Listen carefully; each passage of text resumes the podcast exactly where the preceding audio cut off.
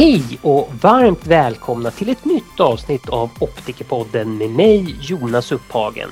I månadens avsnitt ska vi lära oss lite mer om samsynsproblem och det ska vi göra tillsammans med Carl Fernholm. Carl Fernholm ska berätta om hur han blev felaktigt diagnoserad med utmattningssyndrom trots flertalet besök hos både läkare, optiker och ögonläkare. Så med de orden går vi direkt över till intervjun.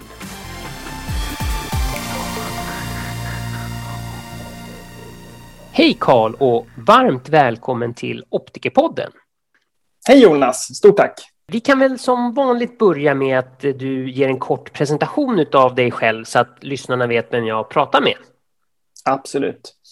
Jag heter Karl Fernholm och jag är författare till en bok som heter Osynlig diagnos som handlar om samsynsproblem. Och förutom att jag är författare så arbetar jag även med att hjälpa bolag att lösa deras mer komplexa problem. Så det är vad jag gör också till vardags, förutom att jag då är författare till den här boken.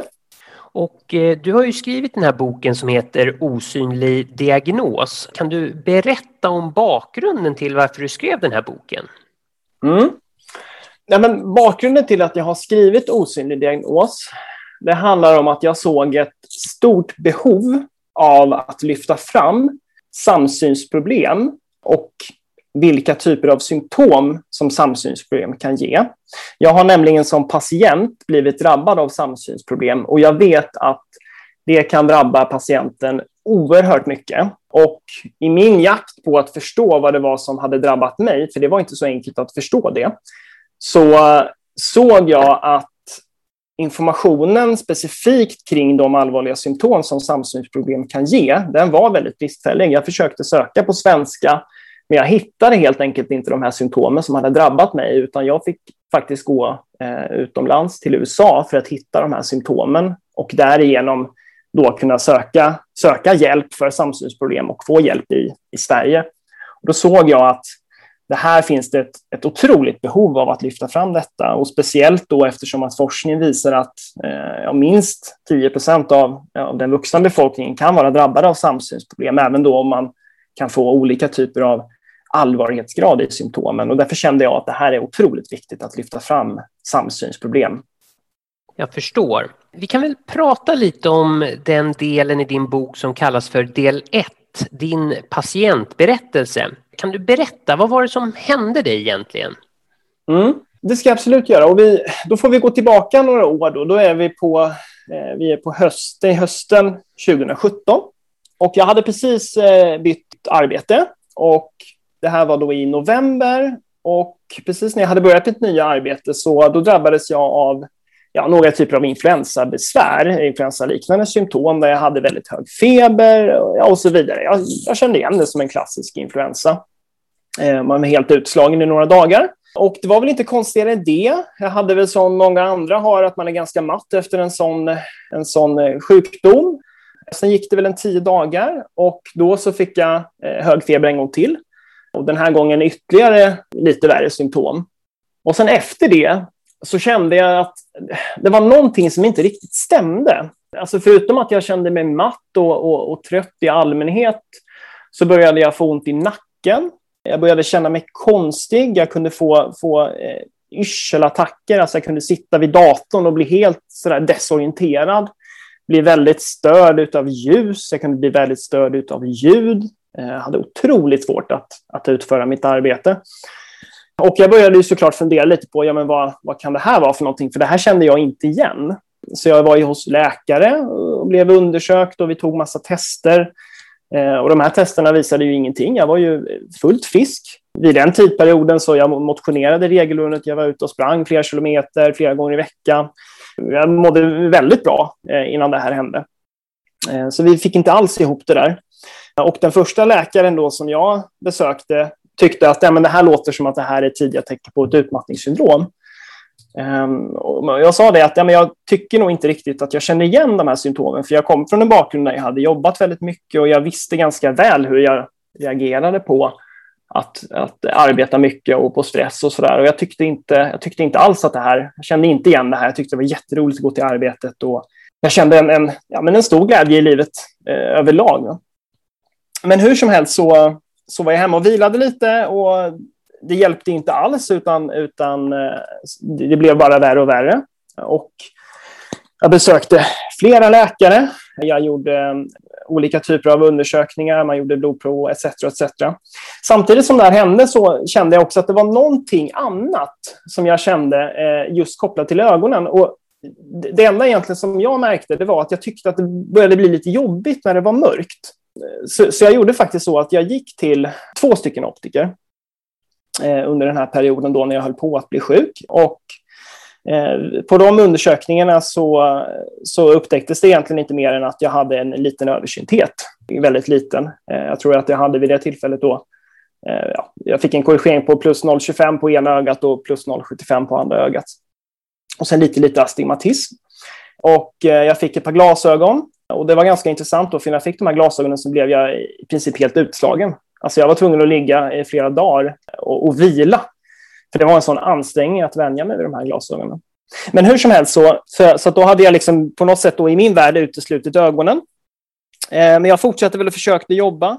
Men det blev bara sämre och sämre och sämre och sämre. Och till slut så var det så att eh, jag var så pass dålig. Jag hade sån yrsel, jag hade sån smärta. Jag var så utmattad framför allt att jag var tvungen att säga till min chef egentligen att tyvärr, jag, jag kan inte jobba.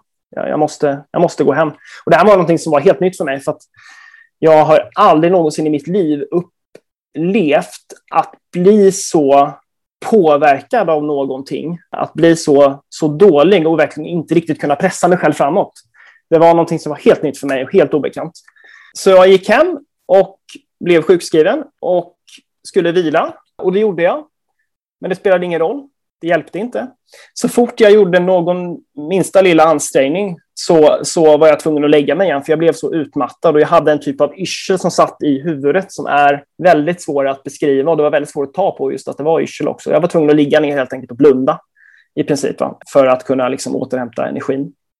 Så att under den tiden då så utreddes jag för, för vi, gjorde, vi gjorde MR utav huvudet, jag gjorde röntgen utav, utav eh, övre delen av ryggen och, och, och nacken då, med tanke på att jag hade sådana besvär där. Um, men ingen hittade någonting och jag blev sämre och sämre och sämre och sämre. Och till slut så var det så illa att jag blev, jag var tvungen att bli matad av min, min fru eh, under några dagar. Och jag var tvungen att ha mina föräldrar som kom hem till mig och, och lagade mat åt mig. Så det var en, en hemsk upplevelse verkligen. Och eh, ska, ska, man då lägga på lite dramatik över allt det där också, så precis under den perioden när jag var som sämst så, så blev jag också pappa till vår första, våran första eh, dotter. Eh, så det var ju minst sagt hemskt. Så är det. Eh, och vad som hände sen, det var egentligen att jag kunde bara identifiera en grej och det var att så fort jag ansträngde mig på något sätt så blev symptomen sämre. Så att jag gjorde helt enkelt så att jag satte på mig eh, öronproppar. Jag var känslig mot ljud. Jag satte på mig en ögonbindel. Jag var känslig mot ljus. Jag tyckte det var jobbigt att titta. Och sen fick jag helt enkelt ligga i sängen eh, och eh, bara vila i, i en månad. Och när jag hade gjort det så um, började det kännas, efter någon månad så började det kännas bättre. Sen efter någon vecka till så kändes det ganska mycket bättre. Det var ungefär som, jag ska inte säga att allting försvann, så var det inte, men, men eh, det, det, var, jag, jag mådde mycket bättre. Men så fort jag ansträngde mig så kände jag att det blev sämre igen. Så det var en balansgång. Men i alla fall när jag upptäckte att jag, när jag hade återhämtat krafterna på det sättet så var det fortfarande ett symptom som, som jag tyckte då eh, kvarstod och jag var väldigt irriterad eller trött i ögonen. Jag hade då trott att det var för att jag var trött och behövde sova. Men vid det tillfället kände jag att ja, men det är någonting med mina ögon i alla fall, trots att jag hade varit då, vid det tillfället också även hos en ögonläkare. Jag varit hos en ögonläkare och jag hade varit hos två optiker utan att hitta någonting eh, mer än då den här lilla översyntheten då och eh, minimala ska jag säga, astigmatismen. Så vad som hände då egentligen, det var att jag började att fundera lite kring vad, vad är det egentligen som händer? Vad, vad, är kopplingen till mina ögon? Så jag satte mig ner och sen skrev jag ner alla mina symptom under en sex månaders period och ritade upp det i en tidslinje. Och då kunde jag hitta de här gemensamma nämnarna och det var att så fort jag hade någon typ av ansträngning eller visuell stimulans, då eskalerade mina symptom. Det var då jag blev dålig. Så det hade egentligen inte med att göra att jag liksom ansträngde mig rent fysiskt, utan att jag ansträngde mina ögon.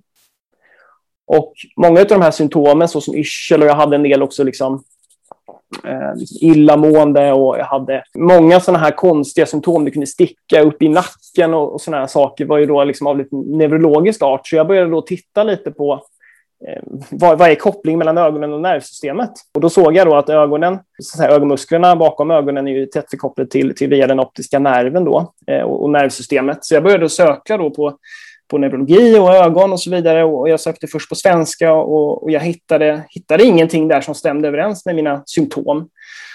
Men sen började jag söka på engelska och då ganska snabbt så kom jag in på en, en hemsida i USA eh, på eh, amerikanska ögonspecialister där jag fick upp en, jag fick upp en eh, två A4-papper egentligen var det, eh, med 30 till 40 symptom. Vi hade alla de här symptomen, förutom en eller två. Och då förstod jag, okej, okay, det är det här jag lider av. Det är samsynsproblem som det är. Det måste vara detta. Och då så såg jag till då att jag bokade tid hos, eh, i Sverige eh, och fick då det här konstaterat. Och vid det tillfället, så det man upptäckte då, det var att jag hade en liten, eh, en liten horisontal skelning Eh, som, som då var på två prismadioptrier. Och sen kunde man också ana att jag hade en, en, eh, dold vertikal skelning då på 0,5 prismadioptrier. Så att då provade jag ut glasögon och sådär och tyckte väl att det, ja, det hjälpte väl lite delvis. Men eh, när jag fick de första glasögonen så, så eh, jag hade jag en liten, liten symptomreduktion och sen tog det bara några dagar och sen så kom liksom allting tillbaka igen. Eh, och då fick jag höra att man, man bör gå med de här glasögonen ett tag och man ska vänja sig och så vidare. Och till slut så var jag så, jag var så yr och jag var så illamående så jag kunde ju liksom inte gå. Eh, så var det i princip. Så då bokade jag tid igen och tillbaka och då, så, då upptäckte man då att min, min horisontala skelning var eh, betydligt mycket större. Eh, den var då på sju prismadioptrier. Och eh, det här var då alltså andra undersökningstillfället då när, jag, när de här prismerna kom på mina ögon. Ehm, eh, då, då, var det ungefär som att det var en obeskrivlig känsla. En sån känsla av lätthet och symptomen bara, de bara försvann egentligen när man korrigerade då den här eh, horisontala skenningen. Eh, och sen så var det en väntan på glasögonen igen och så fick jag glasögonen och eh, jag fick ju också då bekräftat att eh, när jag fick de här andra par glasögonen så det blev så otroligt mycket bättre. Den här utmattningen som jag hade haft, eh, yrseln, illamåendet var nästan bortblåst. Jag hade fortfarande symptom, jag hade fortfarande ont i nacken och, och jag kunde inte läsa eller någonting sånt, va? men det blev väsentligt mycket bättre. Och sen så eh, gick jag med glasögonen ett tag. Det var ganska så stabilt. Det fanns en del symptom kvar. Jag hade ju då förstått att man kommer behöva göra några fler korrigeringar, för det här går inte på första gången, utan ögonmusklerna måste successivt slappna av. Och då så eh, efter någon månad eller två så var jag inne på undersökning igen. Eh, vi tittade på den eh, vertikala såväl som den horisontala och, och det enda vi kunde se det var att den horisontala skulle ökas lite, så vi ökade den lite. Eh, det blev inte så mycket bättre, eh, utan, utan det var nästan så att det blev lite sämre när vi korrigerade den. Eh, jag var på ytterligare en undersökning vi ökade den horisontala ännu mer och det blev eh, väsentligt mycket sämre då faktiskt. Så att då förstod vi då att det skulle vara något annat som var fel. Och det kniviga i det här det var att vi, vi hade ju både en horisontal och en vertikal skelning och den vertikala skelningen provade vi varje gång. Vi kunde inte se att den skulle justeras. Däremot så var det faktiskt så att jag tog med mig en del av den forskningen som jag hade hittat kring just dolda vertikala skelningar och att man då använder patientens huvudlutning för att eh, förstå om man, eller binda misstanken kring om man har en, en dold vertikal skelning och också vilket håll den här dolda vertikala skelningen är åt. Så jag tog med mig den då till, till eh, undersökningen och vi provade att vända den dolda vertikala skelningen. Och då kom nästa aha-upplevelse. Och det var egentligen att när vi gjorde det, då fick jag en, en, en markant symptomreduktion igen. Så vi vände på den dolda vertikala skelningen. Alla instrument som vi hade använt och de undersökningar vi hade gjort visade att den var åt fel håll. Så att eh, den här eh, metoden så, som, som jag då hade med mig då till eh, ortoptisten då i det här fallet, den, den, den gjorde att vi kunde hitta den dolda vertikala skelningen eftersom de undersökningar och de instrument som man hade använt faktiskt visade på ett, ett motsatt resultat, eh, att skelningen skulle vara åt andra hållet. Sen gjorde vi några ytterligare justeringar. Eh, vi drog ner den horisontala skelningen och sen, eh, och sen var jag i princip helt återställd. Och det var egentligen min resa då med, med samsynsproblem och, och, och med den här processen att korrigera samsynsproblemen då, som i mitt fall handlade om eh, dolda, dolda skelningar och då utmaningarna med den här dolda vertikala skelningen. Så det var egentligen en, en, vad, vad som hände mig, eh, hur jag blev sjuk och hur detta, hur detta korrigerades. Mm, jag förstår. Om vi backar tillbaka lite grann där. Vad var det du sökte för nu sa du? Första gången när de här problemen kom, vad var det som du sökte för? Nu, då gick du till en läkare. Vad var det du sökte för då? Ja, det är en väldigt bra fråga. Jag visste ju inte. Jag, jag sökte ju egentligen för att jag hade... Jag, jag, kände att jag blev tröttare och tröttare. Det var ju någonting som jag kände. Jag kände att det var någonting som var... Jag hade koncentrationsproblem. Jag hade svårt att sitta framför datorn. Vid det tillfället förstod jag inte riktigt att det var just att sitta framför datorn eller scrolla på min mobil. Utan så fort jag då... Jag upplevde som att när jag ansträngde mig så, så då blev jag sämre. Jag nämnde också att jag hade liksom, eh, ont i nacken, yrsel etc. Så det var väl egentligen yrsel, nackverk, koncentrationsproblem, eh, utmattning, skulle jag vilja säga. Det var väl mm. det som jag initialt då, då sökte efter. Och det, var, det var väldigt, jag ska säga det också, att just de här symptomen som man kan få som patient, de är väldigt svåra att ta på. Alltså de är väldigt diffusa och det är något som är karaktäristiskt just för samsynsproblem.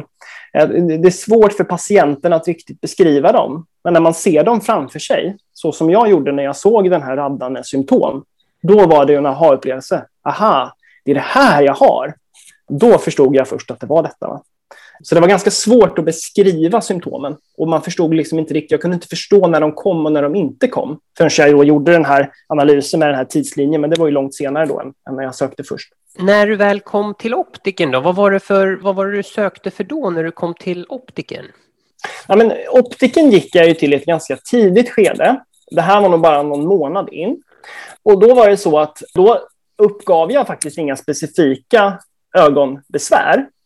Jag tyckte att det var lite svårt att se när jag eh, i mörker och jag tyckte väl att jag hade lite dimsyn på ena ögat och så där. Det, det var väl ungefär det jag sa. Jag nämnde inte någonting kring det här med liksom nackbesvär och så vidare. Jag ville då vid det tillfället gå in och sen vara ganska så öppen och sen få en, en få en undersökning för att se om det här skulle ha någon koppling till ögon, ögonen. Och det här var ju också, också innan jag själv förstod att det skulle kunna vara samsynsproblem.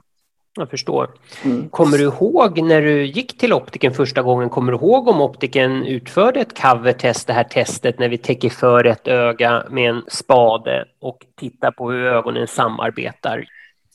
Vid det tillfället så förstod jag ju inte, jag hade ju inte riktigt koll på eh, ögonen och, och, undersökningar och så som jag har idag. Men jag vill minnas att det gjordes ett covertest. Jag är ganska så, ganska så säker på det. Ja, det är jag. Okej, okay. ja men vad bra. Det tillhör ju branschstandard att vi ska kolla samsynen på en undersökning om man vill jobba efter branschnormen. Precis. Sen kan jag, bara, jag kan bara fylla på det här med de här undersökningarna jag gjorde innan. Jag var ju hos en, en ögonläkare vid ett senare tillfälle och då blev jag, då blev jag faktiskt remitterad eh, av då min läkare på företagshälsovården. Eh, specifikt för att jag hade liksom, svårt, jag kunde inte läsa för datorn, jag hade nackverk, jag hade ljuskänslighet och så vidare. Och där ska jag säga då, vid det tillfället, för det minns jag väl, där gjordes ingen som helst undersökning kring samsyn samsynsproblematik. Utan trots att man då hade de här besvären som, som är väldigt tydliga för samsynsproblem så gjordes det ingen sån undersökning. Var det någonstans i det här ledet som du fick en remiss från optiken? Det blev faktiskt så här var det, att när jag själv förstod att det måste vara samsynsproblem, då gjorde jag så att då pratade jag faktiskt med den optiken då som hade gjort undersökningen initialt. Och sen så bokade jag en tid där för ett återbesök. Och eh, då fick jag komma tillbaka dit. Och då så gjorde man, tittade man lite mer på det här. Och då gjorde man ett cavities, för det minns jag. Och vid det tillfället så kunde då den optiken se att jag hade en liten horisontal skelning. Och då blev jag remitterad till, eh, till ortoptist. Ja, men vad skönt att det, det, mm. det kom rätt till sist i alla fall. Mm. Men när du provade ut Prisman första gången, var det remiss då via optiker eller hur kom du till? I det här fallet var det faktiskt så att dels så fick jag en remiss, men jag hade faktiskt precis innan dess också bokat en tid eh, hos en, en eh, ögonklinik där man kan boka utan remiss i Stockholm. Och det var samma, det var samma ortoptist också som, som optiken eh, remitterade mig, mig till. Okej, okay, ja, jag förstår. Mm. Och du, jag förstår att du har gjort ett gediget arbete nu, gjort en hel del research inför din bok. Eh, mm. vad har du lärt dig nu då? Vilka är symptomen för eh, samsynsproblem? Mm. Um, ja, men det finns ju, som jag har indikerat lite här, väldigt många typer av symptom. Uh, men om jag ska ta dem liksom lite översiktligt då, så, så handlar det dels om smärtrelaterade symptom Eh, där man då har huvudvärk eller spänningar liksom i, i huvudet. Man har smärta i, i käkarna. Man har smärta och, och liksom, eh, spänningar i den övre delen av ryggen, i axlarna och i, i, framförallt i nacken. Eh, man har också smärta och tryck över bihålorna, eh, ögonsmärta och en känsla av torra ögon. Sen har man också symptom då som handlar om själva säga, kroppshållningen. Där det exempelvis då om man har en dold vertikal skiljning är väldigt vanligt att man har en liten sned huvudhållning. Man lutar huvudet åt vänster eller höger axel ganska konstant då liksom. Den behöver inte vara så jättestor, den kan vara ganska subtil. Eh, men det är ganska vanligt. Eh, man kan också ha en, liksom att man har liksom blivit lite, lite som sned i kroppen, sned i ryggen och sned i nacken till följd av att man just eh, korrigerar för samsynsproblemen genom att man vrider kroppen eller huvudet. Sen när det kommer till de synrelaterade symptomen så är det ju såklart då dubbelseende som, som är ett, ett symptom som är, eh, de flesta eh, säkerligen känner till. Eh, men sen har man skuggig bild, man kan få lite, lite suddig synskärpa eller dimsyn. Det kan ofta vara på ett öga, kan komma och gå ganska så oförklarligt. Eh, det är också vanligt att man, man blundar med ett öga, exempelvis när man läser. Man kan göra det här eh, både liksom, eh, medvetet eller omedvetet. Sen har man dåligt, kan man få dåligt djupseende, man kan bli väldigt klumpig. Eh, för min del till exempel kunde jag ibland ta ett glas, alltså, så bara slant jag. Jag märkte liksom att greppet, jag greppade glaset fel. Och det var ganska så, så, så tydligt. Och sen också ljuskänslighet, eh, vilket är ett väldigt vanligt symptom. Det kan också vara jobbigt att titta på liksom, ytor som blänker och så vidare. Eh, och jag ska säga en sak också kopplat till dubbelseende. Jag hade inget dubbelseende någonsin. Det här var det enda symptomet nästan som jag inte hade. Och faktum är att det är ett sådant symptom som man ofta förknippar med samsynsproblem. Men eh, forskning visar att till exempel när det gäller dolda vertikala skelningar som är väldigt små, så har patienterna sällan dubbelseende. Jag tror att det är en av fyra som klagar på dubbelseende, medan till exempel huvudvärk är en av, eh, eller man, man kanske har 80 procent av patienterna som har. Så just dubbelseende eh, är inte speciellt vanligt när det gäller samsynsproblem, lite beroende på vad det kan vara för samsynsproblem kanske, men det ska man ta med sig. Eh, vidare så har man lässvårigheter. Det kan vara ord som hoppar och text som byter plats eh, och så vidare. Man blir väldigt utmattad vid läsning. Man får svårt att koncentrera sig såklart. Och sen har man också de här balanssinnesrelaterade symptomen som kan vara väldigt jobbiga för patienten. Och det vet jag ju själv då, som har upplevt det här. Där vi pratar om yrsel, man kan bli desorienterad. Eh, jag vet, jag kunde vara ute och promenera och, och, och rätt vad det var så tappade jag, jag tappade liksom uppfattningen om tid och rum det bara snurrar till och jag vet liksom inte riktigt vad jag är för några sekunder. Och sen så försvinner det. Eh, illamående, eh, man kan känna sig åksjuk. Eh, balansproblem, eh, ostadighet. Eh, det finns ju patienter som till och med ramlar och har så dålig balans. Jag hade inte så mycket problem med balans, eh, men det, det, finns de, eh, de patienterna som har det. Eh, och sen har man en, en sista kategori här också, som kanske är den mest intressanta, som handlar om psykiska symptom. Eh, där, där patienterna kan uppleva en, en, en stark oro, en stark ångest som man inte riktigt kan förklara. Man upplever att det är väldigt svårt att vistas ute bland folk, att vistas eh, i köpcentrum, i affärer, att köra bil. Man får en sån överväldigande av visuell stimulans. Så det här kan till och med utbryta i en panikattack. Så panikattacker, eh, generell oro och ångest Eh, kan vara symptom på, på samsynsproblem.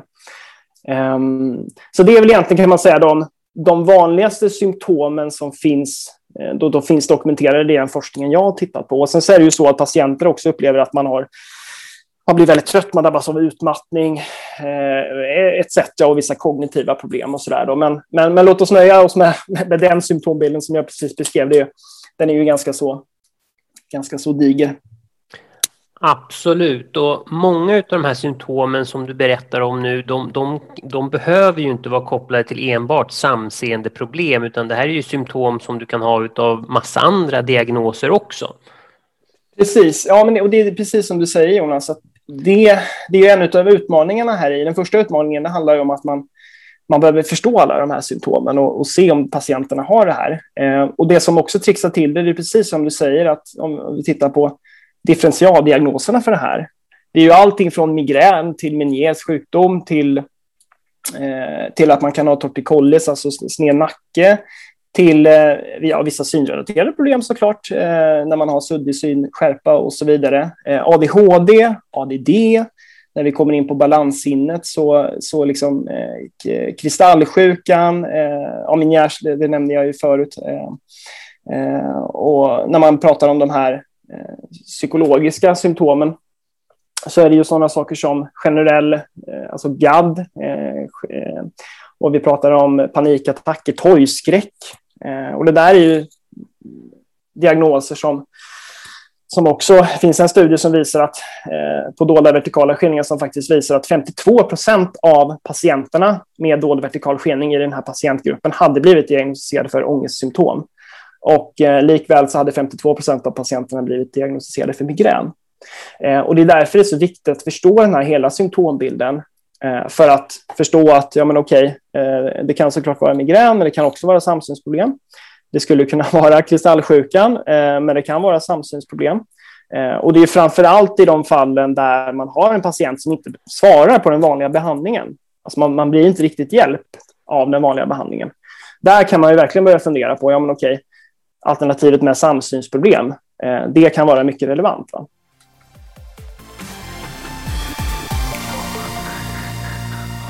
Där var del 1 kring samsynsproblem slut.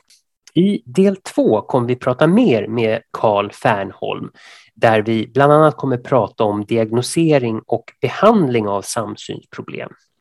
Så vi tackar Karl för den här gången och ser fram emot ett riktigt spännande avsnitt framöver.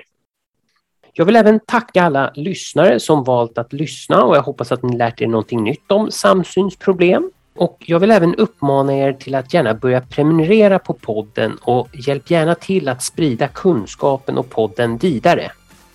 Och vill ni verkligen göra en insats så är det uppskattat och välkommet att skriva en recension eller lämna ett betyg på Optikerpodden där det är möjligt.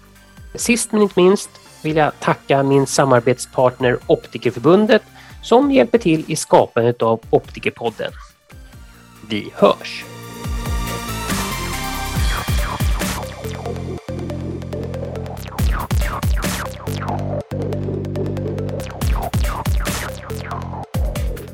Nu, nu var det en ny funktion här där Zoom berättar att, att det spelas in. Så att mm.